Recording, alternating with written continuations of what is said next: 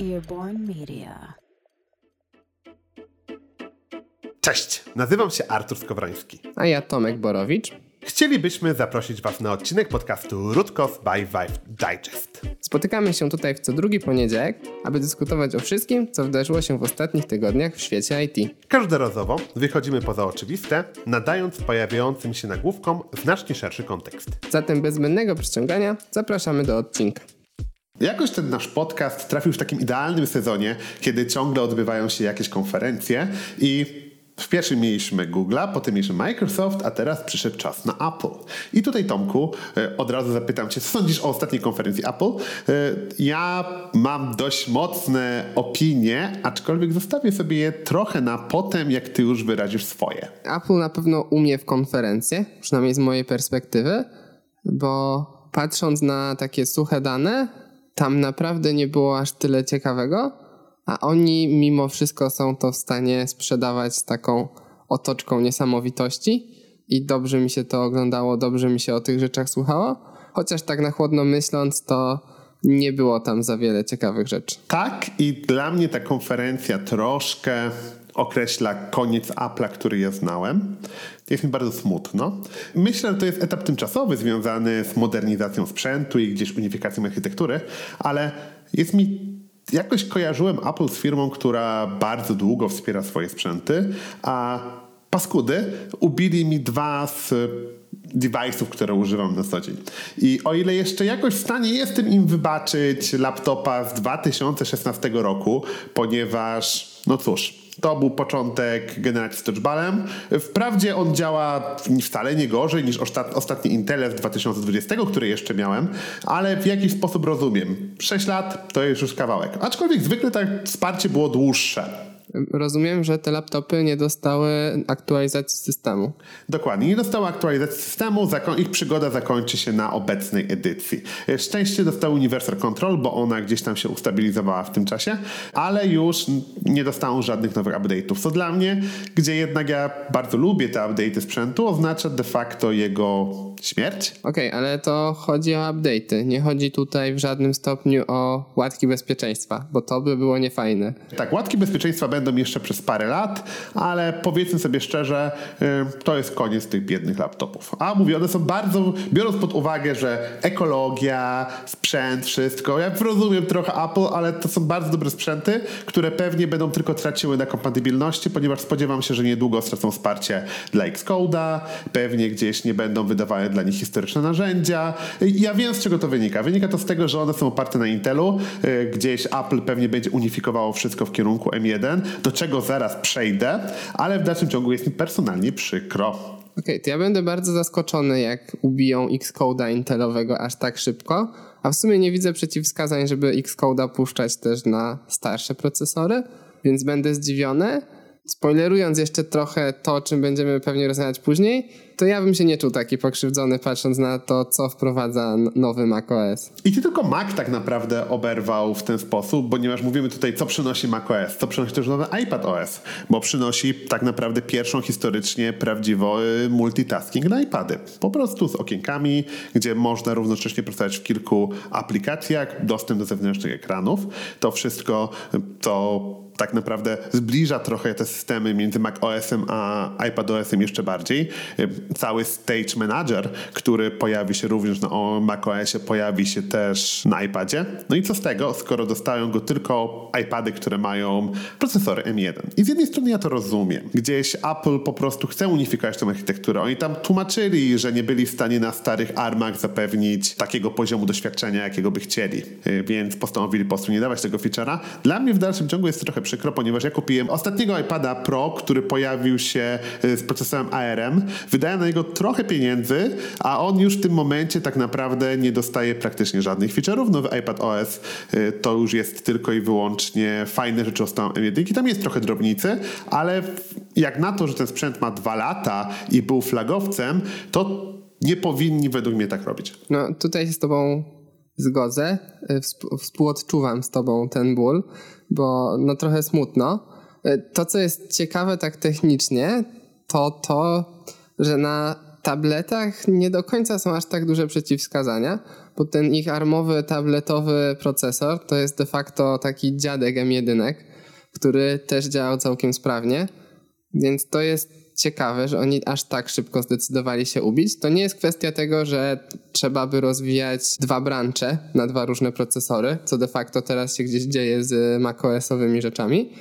Więc to jest bardzo dziwne, że podjęli taką decyzję i to tak szybko. Oni twierdzą, że to wynika z tego, że próbowali zapewnić tą funkcjonalność na starych ARM-ach i po prostu były za słabe, jak na doświadczenie, które chcą dawać, ponieważ użytkownicy chcą dostawać natychmiastowy efekt na urządzeniach z dotykiem, więc to musiało po prostu zostać ubite. Ja się boję, co oni będą ubijać w przyszłości, skoro już w tej chwili e, sprzęt nie domaga, jeśli chodzi o funkcjonalności, które chcą dostarczyć, to pewnie z każdym kolejnym rokiem będzie gorzej, gorzej i tak naprawdę mój mój tablet, który naprawdę był kupowany jako flagowiec i po prostu będzie coraz bardziej kastrowany. I tutaj to jest coś, czego Apple historycznie nie robiło i wydaje mi się, że takie dzielenie klientów na gorszych i lepszych w ramach własnego ekosystemu przy, mówię, nowym sprzęcie, bo tu mówimy o flagowcu 2020 roku, e, to jednak to, to jest coś, co mi się wcześniej kojarzyło z Androidem, a nie z iOS-em. Więc y, Apple poszło tą ścieżką, która nie do końca mi pasuje. Ja bym tu jeszcze nie wyrokował i poczekał, co będzie się działo dalej. To znaczy, może to jest jedyna funkcjonalność, którą tak utną i może te stare tablety będą dostawać rzeczy w przyszłości jeszcze i to będzie jedyna różnica. Zobaczymy. I tak niemiło. Mi też Apple bardzo kojarzyło się z długim wsparciem. Ja pamiętam naszego służbowego iPhone'a do testów, który był telefonem bardzo słabym i wyglądał już super archaicznie a odpalał aplikację lepiej niż y, mój prywatny Android, który miał pół roku. Tak, i tutaj kwestia jest też taka, że to nie jest pierwszy raz. Pierwszy raz jest coś tak dużego, ponieważ już wcześniej na przykład niektóre funkcjonalności związane z przeliczaniem maszyn learningowych na maszynie typu rozpoznawanie tekstu czy tłumaczenie w locie już nie były, były dostępne tylko na architekturę M1. Tak jak mówię, widać, że Apple postawiła swoje procesory, nie będzie chciało wspierać wcześniejszych generacji i do tej pory były to małe rzeczy, rzeczy myślę, że będą w przyszłości coraz większe. Ja tutaj jestem dosyć pesymistą. Tak, w przypadku tabletów to boli podwójnie, bo to jest jednak trochę taki gadżet. O ile laptop, on służy do pracy i jakieś podpowiadanie rzeczy a, możemy przeżyć, no to tablet jest jednak gadżetem i tu byśmy strasznie chcieli. Nasze serducho chce, jak już wydamy tą małą fortunę, żeby to było świecące, fajne, błyszczące i działające i przykro, jak się tak szybko starzeje. Dobra, to tyle mojego prywatnego rantu. E, co Apple pokazało ciekawego według Ciebie jeszcze? Mnie strasznie zaciekawił koncept iPhone'a jako kamerki do laptopa. W pierwszym momencie pomyślałem, że to jest strasznie memiczne i czemu ktoś to w ogóle wymyślił, ale jak się na tym trochę na spokojnie zastanowić, trochę pogadałem z chłopakami w biurze, to brzmi całkiem fajnie, bo ta kamera iPhone'owa jest jednak o rząd wielkości lepsza niż te kamery, które są w Macu i myślę, że to znajdzie swoje zastosowanie, zwłaszcza na pracy zdalnej i, i przy tym jak zdalni się teraz staliśmy. To było dla mnie ciekawe i zaskakujące. To ja powiem Ci, że też mnie to zaintrygowało i rzecz, która ja przeczytałem w internecie, to nie jest mój oryginalny pomysł, ale zastanawiają się niektórzy, czy dostanie wsparcie Apple TV do tego, bo jeżeli na przykład mogłoby się okazać, że przypinasz do telewizora kamerkę iPhone'ową z trybem szerokokątnym, bo one są jednak naprawdę bardzo dobre i możesz ugarnąć na telewizorze sesję FaceTime'a w 4K, to jest bardzo interesująca perspektywa, że po prostu telewizor tanim kosztem bo kosztem klipsu, na który, taniego klipsu kosztującego pewnie 100 dolarów, przyznam szczerze, nie sprawdzałem, ale klipsu, który byłbyś w stanie zamontować na telewizorze, zrobić z telewizora w salonie centrum wideokonferencyjne, mi się to podoba. No fajny, y, jak o tym wspomniałeś, to mi się przypomniał od razu Kinect i któraś z konferencji Microsoftu, bo oni też bardzo na tej słynnej konferencji TV, TV, TV pokazywali ta, takie właśnie wdzwanianie się na Skype'ie. I mam jeszcze jeden y, przykład użycia tego iPhone'a. Ja mam setup z kilkoma monitorami, w związku z czym kiedy wdzwaniałem się na spotkanie, to byłem pod kątem. Jak rozumiem, jak kupię sobie teraz odpowiedni klipsik, to będę w stanie załączyć kamerę na środkowy monitor i to wciąż będzie działać i będę od przodu. Nie będę musiał sobie przekładać całego setupu na biurku po to, żeby zrobić ładniejsze ujęcie na spotkanie. Tak, prawdopodobnie tak to będzie wyglądało. Także tak, mi też uważam, że Continuous Camera z sprzętowych rzeczy jest najciekawszą nowością, bo Stage, stage Manager, no zobaczymy, muszę się pobawić. Ten nowy sposób zarządzania oknami, Apple zawsze było kiepskie w zarządzaniu oknami. Mam nadzieję, że ich wymyśliliśmy desktop na nowo, y, rzeczywiście będzie czymś innowacyjnym, a nie tylko drobnym szlifem. Znaczy, patrząc na to demo, to trochę tego nie kupuję. Ja często mam dużo y, flow rzeczy naraz dziejących się. Tutaj piszemy newsletter, to jakieś code review, ale zazwyczaj do tego wykorzystuję te wirtualne pulpity. Trochę nie wiem, jak duży bałagan trzeba mieć w okienkach, żeby ten feature, który oni sprzedają, miał się przydać. Zwłaszcza, że w dzisiejszych czasach większość aplikacji jest po prostu przeglądarce, więc zarządzanie oknami to jest zarządzanie, ta, zarządzanie na dobrą sprawę tabami, przynajmniej w moim przypadku. Poczekam, pobawię się, ocenię. Dobra, ale tak gadaliśmy o feature'ach, znowu gadaliśmy dużo o hardware'ze, bo ten hardware jednak jest tym świecący się i nowe systemy operacyjne cieszą. To jest powód, dla którego na przykład nikt nie mówił Android, nie lubił konferencji googlowskiej, bo na Androidzie nie pokazali niczego ciekawego, jednak Apple coś tam pokazało, ale to tak naprawdę nie wszystko, co Apple pokazało, ponieważ ponieważ wiem, że zarówno we frontendzie, jak i na iOSie pojawiły się nowe ciekawe rzeczy. I może ja zacznę od iOSa, ponieważ pojawiła się nowa wersja języka Swift. E, Swift jest językiem, który bardzo fajnie się rozwija. Tak naprawdę on jest nowoczesnym, popularnym językiem. Przez pewien czas nawet był rozważany jako defaultowy język dla TensorFlowa. Były swego czasu takie pomysły, kiedy TensorFlow szukał jakiejś alternatywy dla Pythona. Także Swift był wtedy brany pod uwagę, bo to jest po prostu naprawdę dobry język. Notabene y, tutaj ciekawostka, niektórzy ludzie wcześniej pracujący nad skalą, pochodzący z Polski, jak Konrad Malawski, teraz pracują nad Swiftem. Zajmuje się konkurencją, tego jest współbieżnością w tym języku. To jest taki, taki polski ślad, jeśli chodzi o rozwój Swifta, także czasem warto, mówię, Polacy też mają w to wpływ i to mówię, tacy z backgroundem skalowym. Y, a Swift jako język dostał właśnie nową wersję i w ramach tego, co oni tutaj wprowadzili, to są właśnie rozproszeni aktorzy. Czyli dostał dużo lepiej, dużo ulepszony model aktorowy, co dla każdego, kto gdzieś dotknął skalowego środowiska albo gdzieś rozproszonych systemów, y, to pewnie jest coś, co do tej pory nie kojarzyło się z iOS-em i telefonami mobilnymi. Jakiego, jakiej akki? Erlang, Elixir, to są prawdziwi, prawdziwi dziadkowie tego modelu aktora. Tak, aczkolwiek, e, no, to prawda. E, skala, e, przepraszam, to jest kwestia skalowego tutaj jakiegoś zboczenia krakowskiego. Rzeczywiście gdzieś wyewoluowało to tak, że dzisiaj aktorzy będą odpalani na iPhone'ie. Także jestem ciekawy, jak pod spodem będzie działała ta współbieżność, ponieważ iPhone nigdy nie kojarzył mi się z dużą współbieżnością. Historycznie jednak to było bardzo jednowątkowe środowisko pracy. Zobaczymy, jak to się będzie sprawdzało w praktyce, ale tak, Swift dostał realny model aktorowy. Także zobaczymy. Zobaczymy. Znaczy, to trafiło do języka, a Swift y, przez Apple jest wykorzystywany na wszystkich platformach. Więc jak rozumiem, możemy z tego też skorzystać na y, macOSie czy na tablecie, gdzie te procesory już są sensowne. Co prawda wątpię, żeby to było potrzebne w takiej typowej desktopowej aplikacji, ale zobaczymy. Zobaczymy. Zobaczymy. Na pewno jest to duży update języka, że dla, dla kompletności wspomnę jeszcze, że duży update dostał także Swift UI.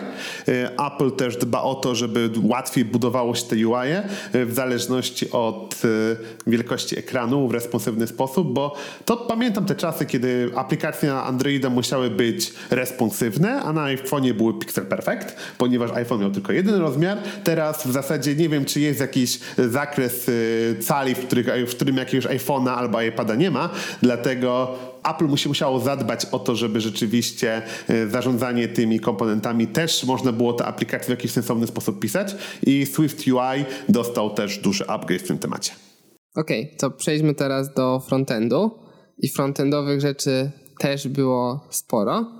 I o dziwo było sporo ciekawych. Po Apple się tego nie spodziewałem, bo nie od dzisiaj sobie żartujemy, że Safari to nowy Internet Explorer i, i Apple nie umie w internety, ale pokazali całkiem sporo fajnych rzeczy. Zacznę od tej największej, na którą chyba cały frontendowy świat czekał.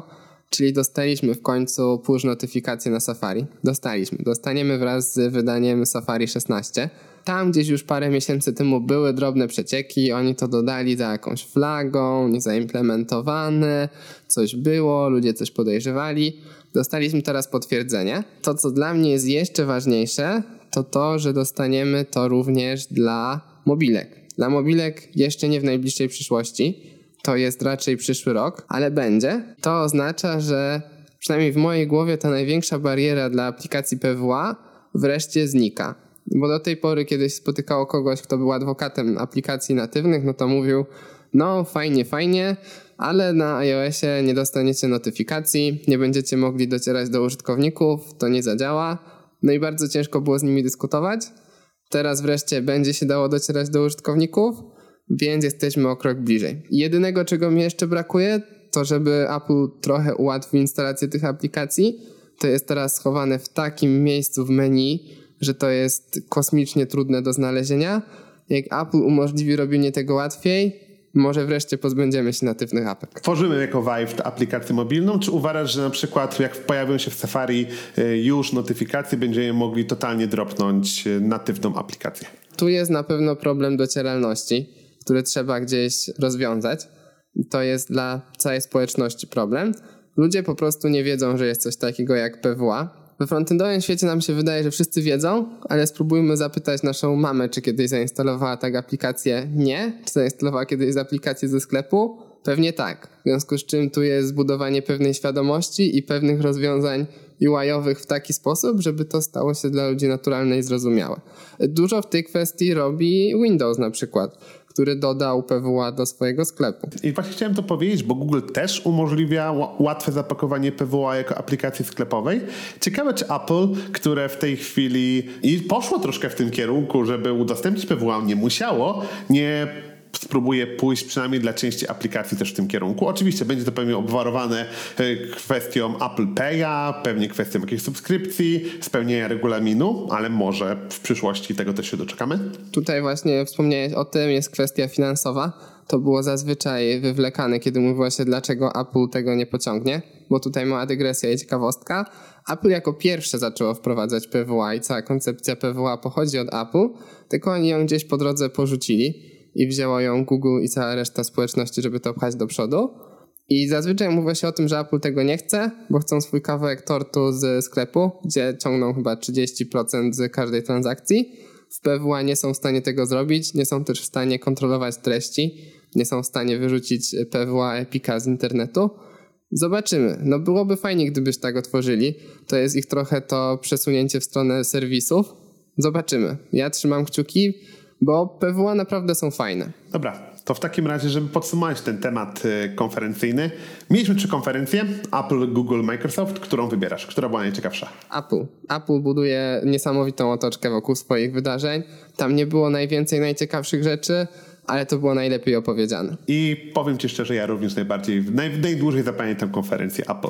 Jednak y, systemy operacyjne, procesor M2, o którym w ogóle nie wspomnieliśmy, co świadczy o tym, jak ciekawa była ta konferencja, ponieważ Apple pokazywał M2 i M2 nie są aż takie ciekawe, są, to jest przykre trochę, są lepsze niż M1 Pro, M1, za to są słabsze niż M1 Pro, w związku z tym gdzieś klasyfikują się po środku, y, więc nie ma tutaj jakichś potężnych przeskoków w benchmarkach. Będą no jeśli ktoś kupuje komputer, to pewnie po prostu pomyśli raczej tutaj o M2. Apple też szybko pewnie wycofa maszyny z M1 ze sprzedaży. Także to jest taka naturalna iteracja. No właśnie ciekawostka, M1 zostały w sklepie dalej. One są chyba o 100 dolarów tańsze. Są o 100 dolarów tańsze. Podejrzewam, że do zakończenia z, po prostu nie będą już produkowali. Dopóki mają w składzie po prostu w sprzedaży, to będą sprzedawać, bo też produkcja elektroniki dzisiaj nie jest aż taka prosta. Już się mówi w tej chwili, że Apple nie zamówiło większej, po pierwsze recesja, więc nie zamówiło większej ilości iPhone'ów, a też tak naprawdę szkoda trochę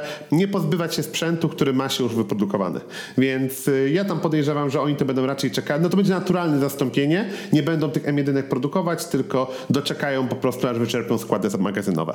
Ale zobaczymy. Ja się chyba nie zgodzę, bo M1 są w tabletach jeszcze a na razie nie zapowiedzieli tabletów z M2, więc chyba jeszcze muszą produkować M1. Poczekajmy do jesieni. Poczekajmy do jesieni. Zobaczymy. Ja powiem Ci szczerze, na mojego tableta iPada, o którym wspominałem już, tak, jego pamięć, będziemy Cię pamiętać, czekałem kwartał żeby go kupić, ponieważ nie był dostępny w sklepach.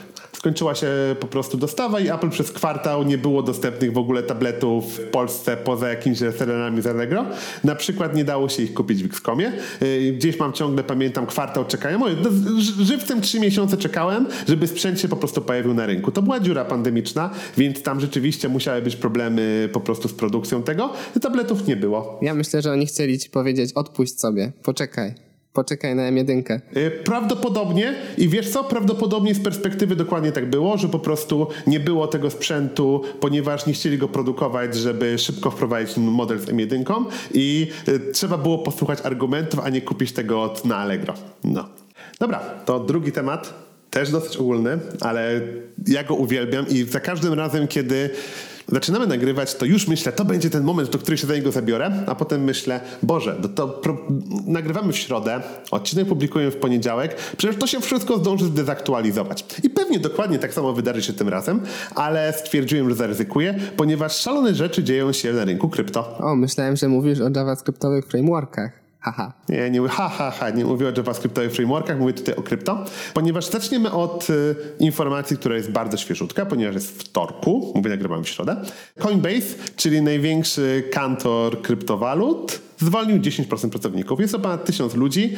Motywują to tak zwaną zimą krypto, y, bardzo ładnym takim sloganem marketingowym, crypto winter, marketingowym, ciężko nazwać marketingowym, ale w, gdzieś pojawiającym się w mediach tym, że jednak spada wolumen sprzedaży, ludzie się wycofują, y, a oni zarabiają. Problem wszystkich tych kantorów jest taki, że oni zarabiają od każdej transakcji. Jeśli transakcji nie ma, y, albo są na mniejsze kwoty, to kantory po prostu mniej zarabiają.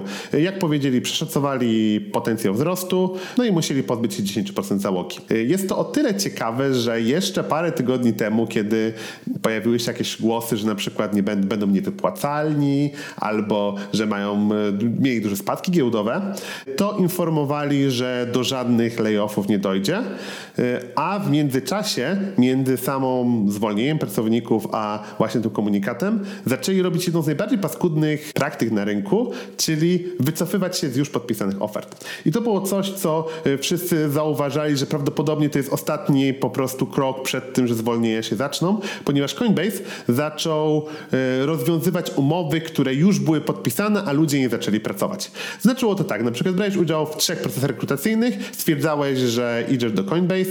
Rekrutacja, na przykład kontrakt zaczynał się za miesiąc, ty mi siedziałeś z podpisaną umową, Coinbase zaczął je po prostu rozwiązywać. I to było coś, co dość mocno wstrząsnęło rynkiem w zeszłym tygodniu, wywołało trochę paniki również i spadki giełdowe samej firmy. Paskudna praktyka, naprawdę paskudna. Aczkolwiek tutaj Coinbase o tyle próbował wyjść z twarzą, że tym pracownikom, którym rozwiązał umowy, dawał chyba trzymiesięczne okres wypowiedzenia, wpłacił za trzy miesiące z góry.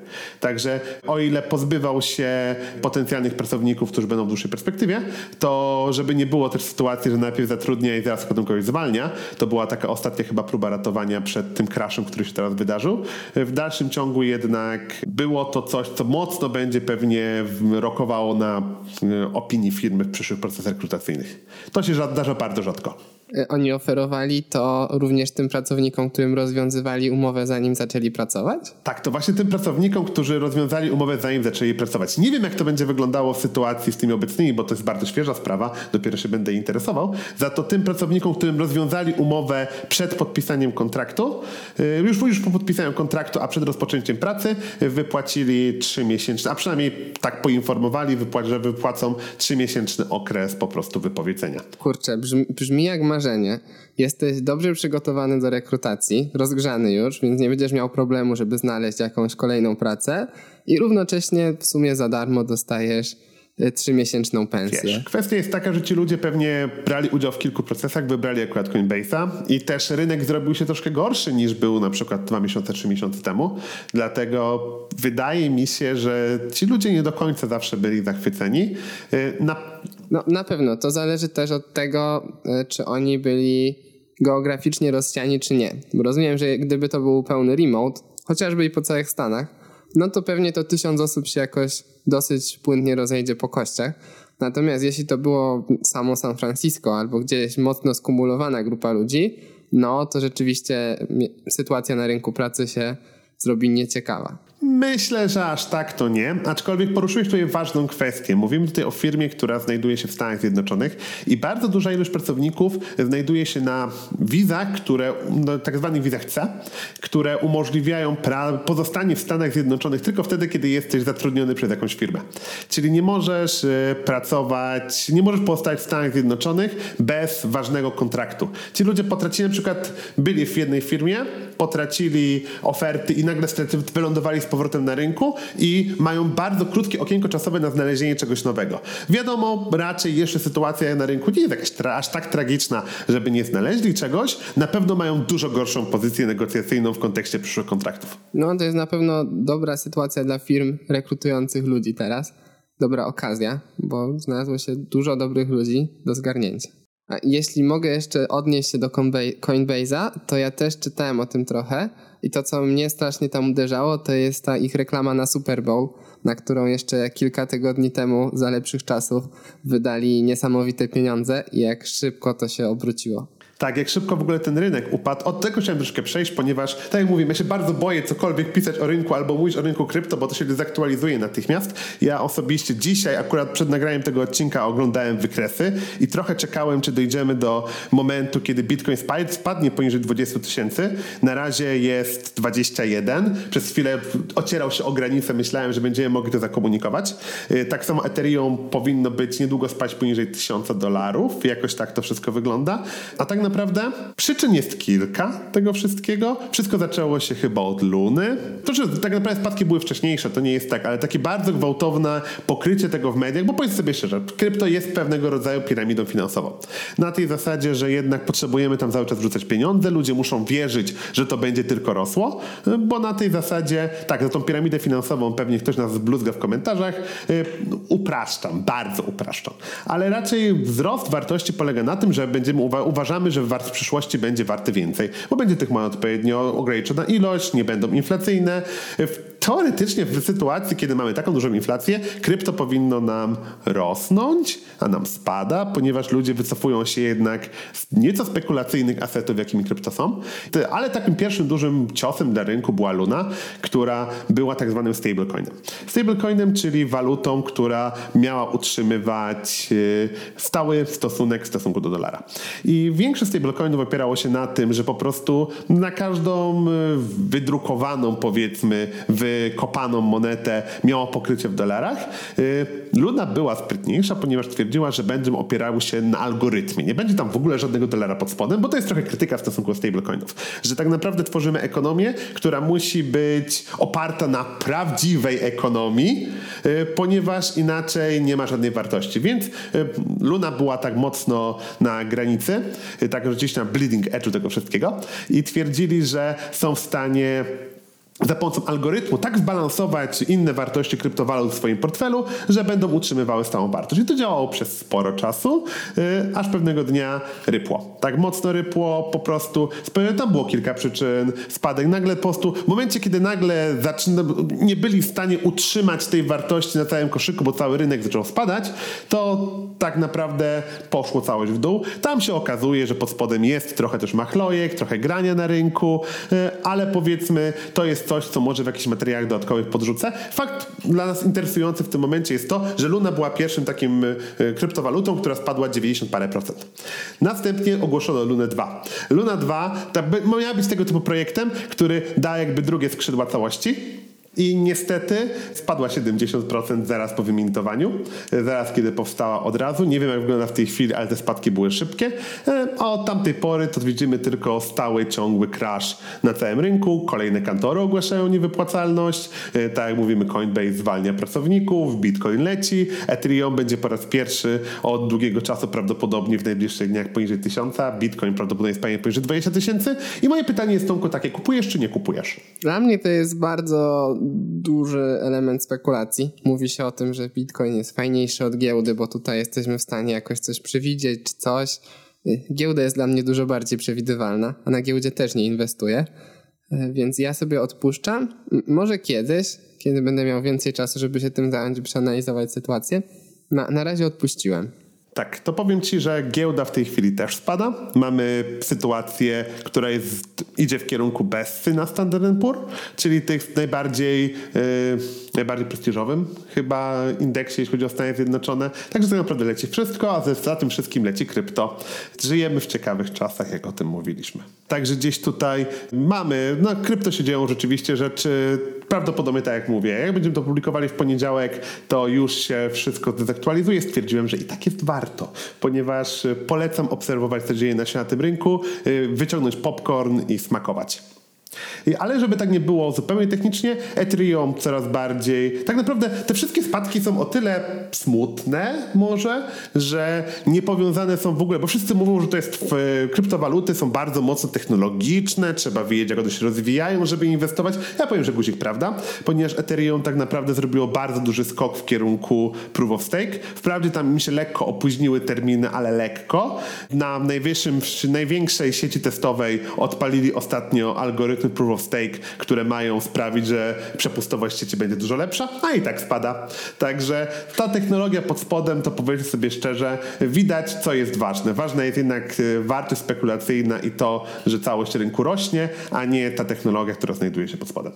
Przy Ethereum nie miało być tak, że ich nowe algorytmy miał trochę docelowo zmniejszyć opłacalność kopania również, przez to jak on działa tak, miał większy, większy ale tak naprawdę to nie powinno mieć wpływu bardzo na wielką wartość monety, bo te monety, to trzeba się opierać na tym, że tak naprawdę operujemy tylko i wyłącznie monetami, które znajdują się w rynku. Nie kopacze mieli mniej na tym zarabiać, ale to nie powinno mieć wpływu tak naprawdę na wartość monety samej w sobie, ponieważ te monety, które, na dobrą sprawę, te monety, które już zostały wykopane, powinny być nawet cenniejsze, ponieważ samo kopanie mniej się opłaca, więc mniej ludzi kopie, w związku z tym wartość samej monety powinna być bardziej. Przecież mówię, ten na chłopski rozum, y, taki mój ekonomiczny, kryptoekonomiczny dyletantstwo, ale jednak nie powinno, to mówię, to nie powinno, tak naprawdę wszystko idzie w pozytywnym kierunku, roadmapa się rozwija, projekt pada, projekt traci na wartości i to w sposób taki po prostu, że pikujemy, skaczemy na główkę. Bardzo mi się podoba, co powiedziałeś. Wszystko idzie zgodnie z planem, roadmapa idzie tak jak ma iść, upadamy. Upadamy, dokładnie tak. Także to jest to dokładnie, co tutaj się dzieje. Y, Coinbase, przepraszam, i tutaj mała errata na koniec. Coinbase zwolnił 18%, a nie 10% swoich pracowników. Także y, te zwolnienia są nawet większe niż oryginalnie powiedziałem. Okej, okay, temat frontendowy y, ode mnie na dzisiaj to jest wydanie Angulara 14 i wszystkich y, backendowych przyjaciół proszę o pozostanie na miejscach, bo będziemy naprawdę krótko o tym rozmawiali. Tak, Angular 14 jest ciekawy, na pewno jest najciekawszą wersją Angulara od y, ponad dwóch lat. To dlaczego jest tak ciekawy, ciężko mi tu wytłumaczyć. Angular wydaje swoje kolejne wersje w release trainie, więc to jest pewnie jakiś zbieg okoliczności, że akurat teraz tak requestowane przez społeczność funkcjonalności doszły. Dostaliśmy dwie rzeczy: standalone components i lepsze typowanie formularzy. Zaczynając od tej mniej ciekawej, typowanie formularzy, lepsze wsparcie dla TypeScripta. Kompletnie nie rozumiem, dlaczego tak długo to implementowali. Chociaż tutaj Piotrek mi zwrócił ciekawie uwagę, że to prawdopodobnie dlatego, jak wieloma rzeczami Angular musi się zajmować i na jak wiele rzeczy musi patrzeć i że React nie cierpi na ten problem, bo społeczność po prostu wypływa kolejną bibliotekę, która robi to lepiej. Więc to jest ciekawe i ja się w sumie z tym jak najbardziej zgadzam. Mimo wszystko fajnie, że dodali te typy. To jest coś, co na pewno chcemy mieć w Opinionated Frameworku. Jak najmniej bibliotek. Druga fajna rzecz to są standalone components. Tutaj jest ciekawa historia tego, skąd się wzięły w ogóle moduły w Angularze. Angularowe moduły służą do tego, żeby zapewnić pewien scope dla dependency injection. I co ciekawe, modułów nie było w Angularze, Angularze dwójce, aż do etapu któregoś z dalszych y, release candidate'ów, kiedy to zespół Angulara stwierdził, że nie wie jak rozwiązać problem nachodzących na siebie zależności w dependency injection. Kod angularowy publikowany do NPM jest jako nieskompilowany i on się kompiluje dopiero po stronie dewelopera. To oznacza, że mieliśmy dużo miejsc, w których to dependency injection mogło coś źle zresolwować, gdzieś coś źle zrobić i dlatego oni na szybko, bo bardzo chcieli już wydać Angulara, prowadzili moduły. I co ciekawe, wokół modułów e, narosło wielu ewangelistów, mówiących o tym, że moduły są fajne, moduły wprowadzają dobrą enkapsulację, dobrą czytelność, yy, łatwiejszy tree shaking, bardziej zrozumiały tree shaking. No jak się okazuje, zespół Angulara nie wprowadził tego aż tak intencjonalnie. Parę im lat to zajęło, ale wreszcie pozbyli się tych modułów. Pozbyli. One dalej zostają gdzieś dla twórców bibliotek, dla bardziej zaawansowanych przypadków dependency injection wciąż będą potrzebne, ale możemy już pisać e, nasze aplikacje bez tych modułów. No i co to oznacza dla deweloperów? Przede wszystkim dużo mniej boilerplate'u. To tutaj wejdę ja, ponieważ ja ciągle pamiętam, kiedy pojawił się Angular, kiedy się pisało w AngularJS-ie, czyli poprzedniej edycji Angulara. Kiedy wchodził Angular 2, to gdzieś wspominane było, że te moduły były długo oczekiwaną funkcjonalnością, ponieważ w jakimś stopniu pozwalają one enkapsulować kod i na przykład w Java też powodują dodatkowy boilerplate. Ale jednak zaletą jest to, że jesteśmy w stanie mocniej ukryć konkretnie funk konkretne funkcjonalności, które nie chcemy, żeby były dostępne na zewnątrz naszego API. Czy moduły angularowe też też dają nam tą przewagę? No wydaje mi się, że od tego są jednak moduły JavaScriptowe i to może, to o czym mówisz może wynikać z tego, że na etapie, kiedy Angular 2 wychodził, to to środowisko nie było jeszcze tak dojrzałe, jeszcze nie mieliśmy aż tak ustandaryzowanego sposobu na moduły, jak mamy teraz. I teraz mamy już dobre moduły JavaScriptowe, które działają dobrze i dochodzimy do punktów, w którym one działają spójnie na frontendzie i na backendzie. Y, I one służą właśnie do tego, o czym mówisz, do dobrej enkapsulacji zależności, do poukrywania sobie czegoś. Moduły angularowe to jest coś typowo dla dependency injection. Jasne. Czyli tak naprawdę po prostu teraz mamy dużo lepsze funkcjonalności w całym języku i nie potrzebujemy już jakiejś tam przeszczepy, która pojawia się na górze frameworka. Nie do końca to jest z tym związane, bo to już mieliśmy od dawna. Na froncie i tak mamy te wszystkie transpilacje, które się dzieją, teraz po prostu wreszcie udało im się w Angularze w ich internalach połatać te rzeczy. E, TLDR oni to robią tak, że oni generują automatycznie moduł do tego komponentu pod spodem, więc się tworzy taki wirtualny moduł.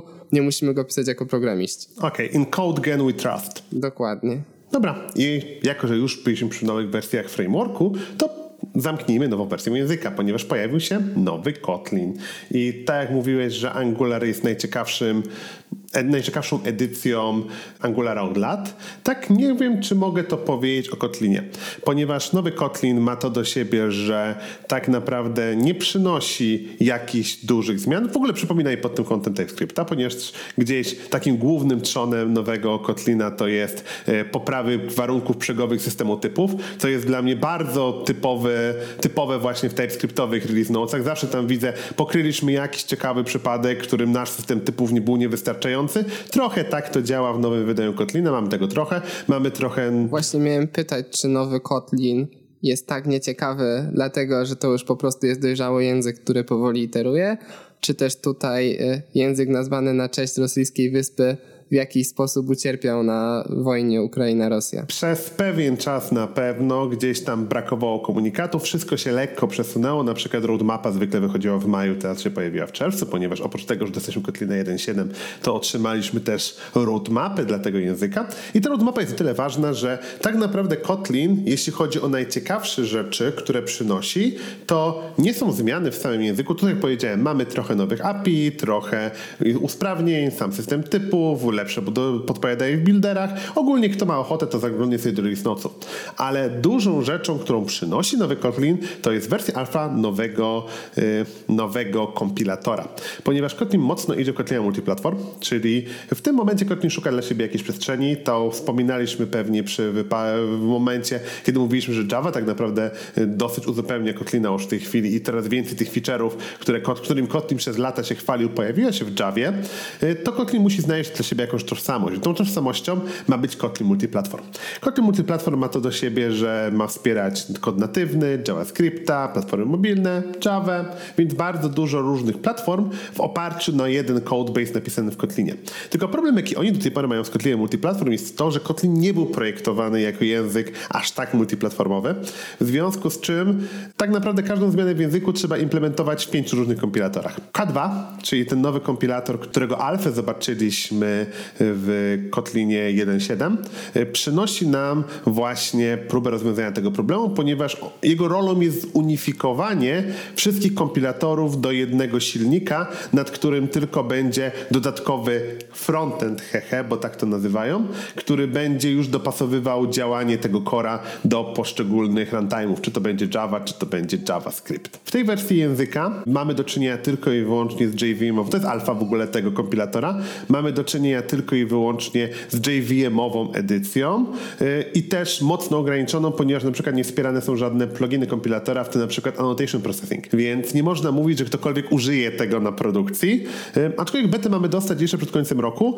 i tak naprawdę wspomniana przeze mnie roadmapa kotlinowa w dużej części opiera się właśnie na K2.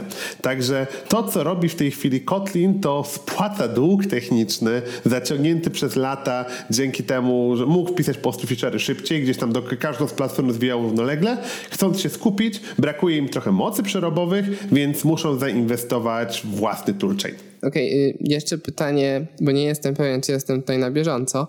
Y, multiplatformowość w przypadku Kotlina oznacza JVM-a, Native'a i JS-a. Tam nie pojawiło się nic nowego. Plus platformy mobilne, zarówno Android, jak i iOS. Także to jest dodatkowy, dodatkowy runtime, który też chcą wspierać. Okej, okay, czyli coś doszło. Tak. I tak naprawdę, znaczy Android był zawsze, iOS też był chyba od dłuższego czasu w tym wypadku, tylko one właśnie, one gdzieś tam istniały. Tak naprawdę też Kotlin ma trochę to, że ma dużo ciekawych projektów multiplatformowych i każdy w zasadzie projekt, który się teraz pojawia, to jest projekt multiplatformowy. Mam wrażenie, na przykład Compose. Compose jest dla weba, Compose jest dla desktopa, Compose jest dla właśnie platform mobilnych. To jest framework y, do tworzenia UI, UI w Kotlinie, więc okazuje się, że rozwijanie języka na kilka platform nie jest za darmo i wymaga po prostu sporej ilości inwestycji. Tak jak mówiłem, roadmap Kotlina mocno, mocno się na tym skupia. Tak, zwłaszcza, że oni z tego co rozumiem przyjęli inną strategię niż na przykład JS, który dostarcza po prostu swój runtime na wszystkie możliwe platformy i tam odpalamy nasz jeden kod Tutaj będziemy kompilować do natywnego kodu wszystkich możliwych platform. To jest dużo trudniejsze do zrobienia. Tak, dokładnie tak, aczkolwiek y, high risk, high reward mógłbym powiedzieć. I tak naprawdę to jest, mówię, taki główny trzon tak, tego wydania z mojej perspektywy przynajmniej. Aczkolwiek te inne właśnie runtime'y dostają parę ciekawych rzeczy. Na przykład y, w ostatnim wypadku ostatniego wydania 1.6 i 1.5 mówiliśmy dużo o formacie pośrednim y, dla Java, który się pojawił nowy, który właśnie ma wspierać wspierać nowe funkcjonalności języka Javowego. Nowy format pośredni, czyli powiedzmy coś między y, właśnie kodem, y, kod, z którego kompilowany jest kod bezpośredniego języka, pojawił się też w wypadku w jakiejś testowej wersji dla JavaScripta na przykład. Więc to nie jest tak, że JavaScriptowcy czy native'owcy nie dostają nic. Wydaje mi się, że jednak ten y, highlightem tego wydania jest wspomniana K2. Okej, okay, jeszcze mam pytanie, które mnie trochę nurtuje. Czy kojarzysz, żeby któryś język miał już taki kompilator, czy Kotlin będzie tu pierwszy. Wiem, że na pewno Scala też była kompilowana do Native'a i do JS-a. Wydaje mi się, że inne języki też miały podobne funkcjonalności. Czy ktoś już się pokusił o zrobienie takiego y, jednego kompilatora, by rządzić nimi wszystkimi? Przyznam szczerze, nie mam pojęcia. Brzmi to chyba nie. Przynajmniej się nie spotkałem pod tym kątem. Może któryś z naszych słuchaczy nas tutaj. Yy oświeci pod tym kątem. Wiem, że na przykład Kotlin z Apple Multiplatforma, chciałem powiedzieć, że WebAssembly jest trochę takim wspólnym runtime'em i gdzieś może w ten sposób jest to, a też nie do końca to wszystko. Aczkolwiek Kotlin też y, już w tej chwili gdzieś tam planuje albo zaczął pracę nad wersją dla WebAssembly, więc ta ich multiplatformowość jest naprawdę szeroka.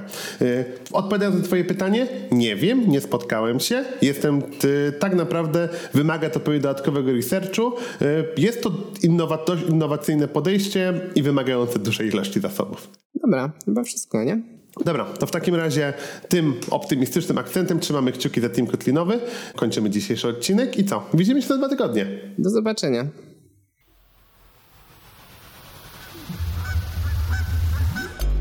Earborn Media.